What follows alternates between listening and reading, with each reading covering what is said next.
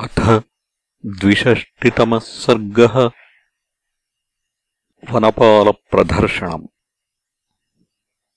तानुवाच हरिश्रेष्ठो हनुमान् वानरऋषभः अव्यग्रमनसो यूयम् मधुसेवत वानराः अहमावारयिष्यामि युष्माकम् परिपन्थिनः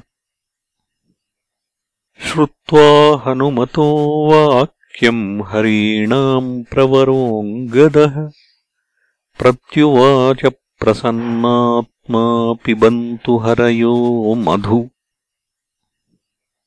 अवश्यम् कृतकार्यस्य वाक्यम् हनुमतो मया।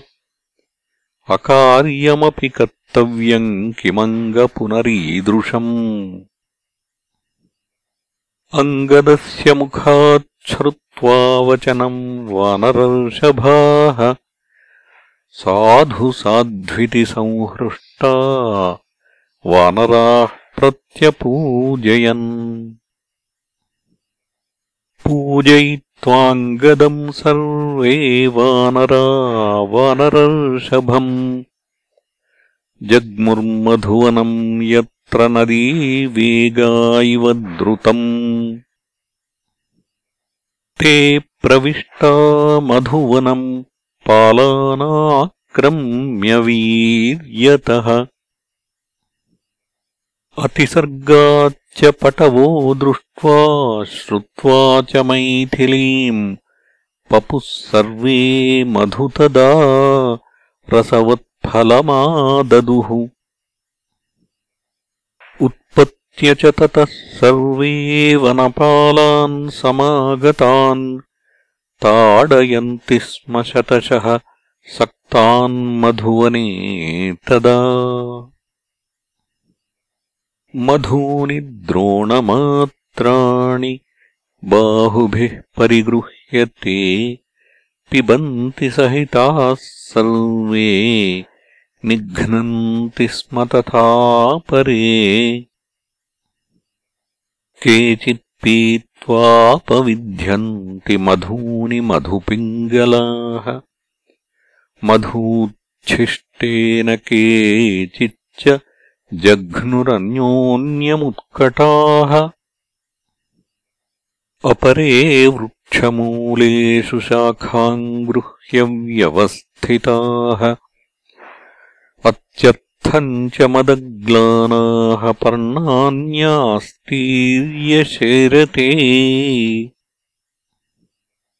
उन्मत्तभूताः प्लवगा, मधुमत्ताश्च हृष्टवत्, क्षिपन्ति च तदान्योन्यम्, स्खलन्ति च तथा परे। केचित् क्षेलाम् प्रकुर्वन्ति, केचित् कूजन्ति हृष्टवत्। हरयो मधुना मत्ताः, केचित् सुप्ता महीतले। कृत्वा केचित् हसन्त्यन्ये, केचित् कुर्वन्ति चेतरत्। कृत्वा केचिद्वदन्त्यन्ये केचिद्बुध्यन्ति चेतरत्। येऽप्यत्र मधुपाला स्युः प्रेष्यादधिमुखस्य तु तेऽपि तैर्वानरैर्भीमैः प्रतिषिद्धा दिशो गताः। जानुभिस्तु प्रकृष्टाश्च देवमार्गम् प्रदर्शिताः। अब्रुवन् परमोद्विग्ना गत्वा दधिमुखम् वचः। हनूमता दत्तवरैः हतम् मधुवनम् बलात्। वयम् च जानुभिः पृष्टा देवमार्गम् च दर्शिताः ततो दधिमुखः क्रुद्धो वनपस्तत्र वानरः हतम् मधुवनम् श्रुत्वा सान्त्वयामास तान् हरीन्। इहागच्छत गच्छामो वानरान् बलदर्पितान् बलेन वारयिष्यामो मधुभक्षयतो वयम् श्रुत्वा दधिमुखस्येदम् वचनम् वानरर्षभाः पुनर्वीरा मधुवनम् तेनैव सहसाययुः मध्ये चैषाम् दधिमुखः प्रगृह्यतरसा तरुम् समभ्यधावद्वेगेन ते च सर्वे प्लवङ्गमाः। ते शिलाः पादपांश्चापि पर्वतांश्चापि वानराः। गृहीत्वाभ्यगमन् क्रुद्धा यत्र ते कपिकुञ्जराः। ते स्वामिवचनम् वीरा हृदयेष्ववसद्य तत् त्वरया ह्यभ्यधावन्त सालतालशिलायुधाः। वृक्षस्थांश्च तलस्थांश्च वानरान् बलदर्पितान् अभ्यक्रामंस्ततो वीराः पालास्तत्र सहस्रशः अथ दृष्ट्वा दधिमुखम् क्रुद्धम् वानरपुङ्गवाः अभ्यधावन्तवेगेन हनुमत्प्रमुखास्तदा। तम् सवृक्षम् महाबाहुम् आपतन्तम् महाबलम् आर्यकम् प्राहरत्तत्र बाहुभ्याम् कुपितोऽङ्गदः। मदान्धश्च न वेदैनम् आर्यकोऽयम् ममेति सः अथैनम् निष्पिपेशाशु वेगवद्वसुधातले। स भग्नबाहूरुभुजो विह्वलः मुमोहसहसा वीरो मुहूर् कपिकुञ्जरः स समाश्वास्य सहसा सङ्क्रुद्धो राजमातुलः।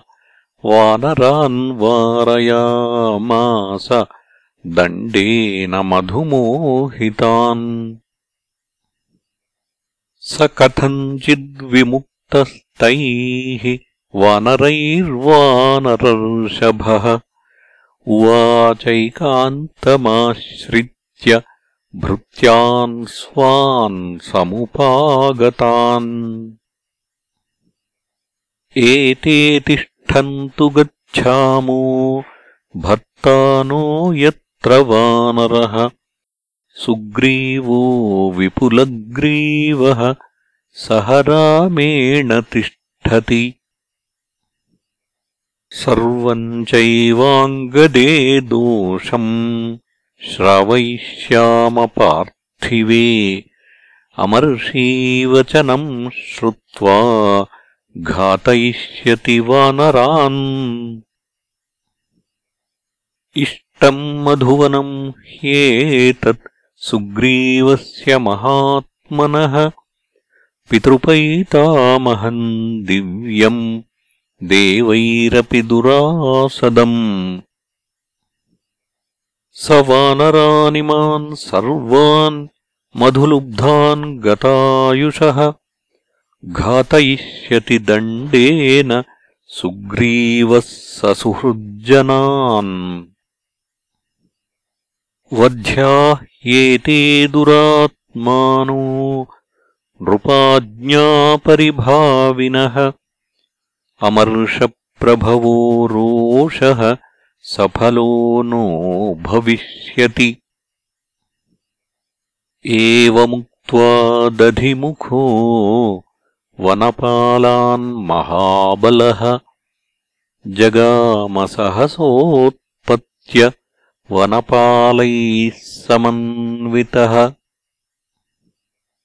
निमेषान्तरमात्रेण स हि प्राप्तो वनालयः।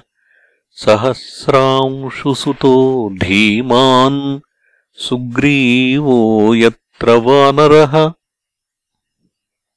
रामम् च लक्ष्मणम् चैव दृष्ट्वा सुग्रीवमेव च। समप्रतिष्ठाम् जगतीम् आकाशान्निपपातः। सन्निपत्यमहावीर्यः सर्वैस्तैः परिवारितः। हरिर्दधिमुखः पालैः पालानाम् परमेश्वरः। स दीनवदनो भूत्वा कृत्वा शिरसि चाञ्जलिम् सुग्रीवस्य शुभौ मूर्ध्ना चरणौ प्रत्यपीडयत्। इत्यार्षे श्रीमद् रामायणे वाल्मीकीये आदिकाव्ये सुन्दरकाण्डे द्विषष्टितमः सर्गः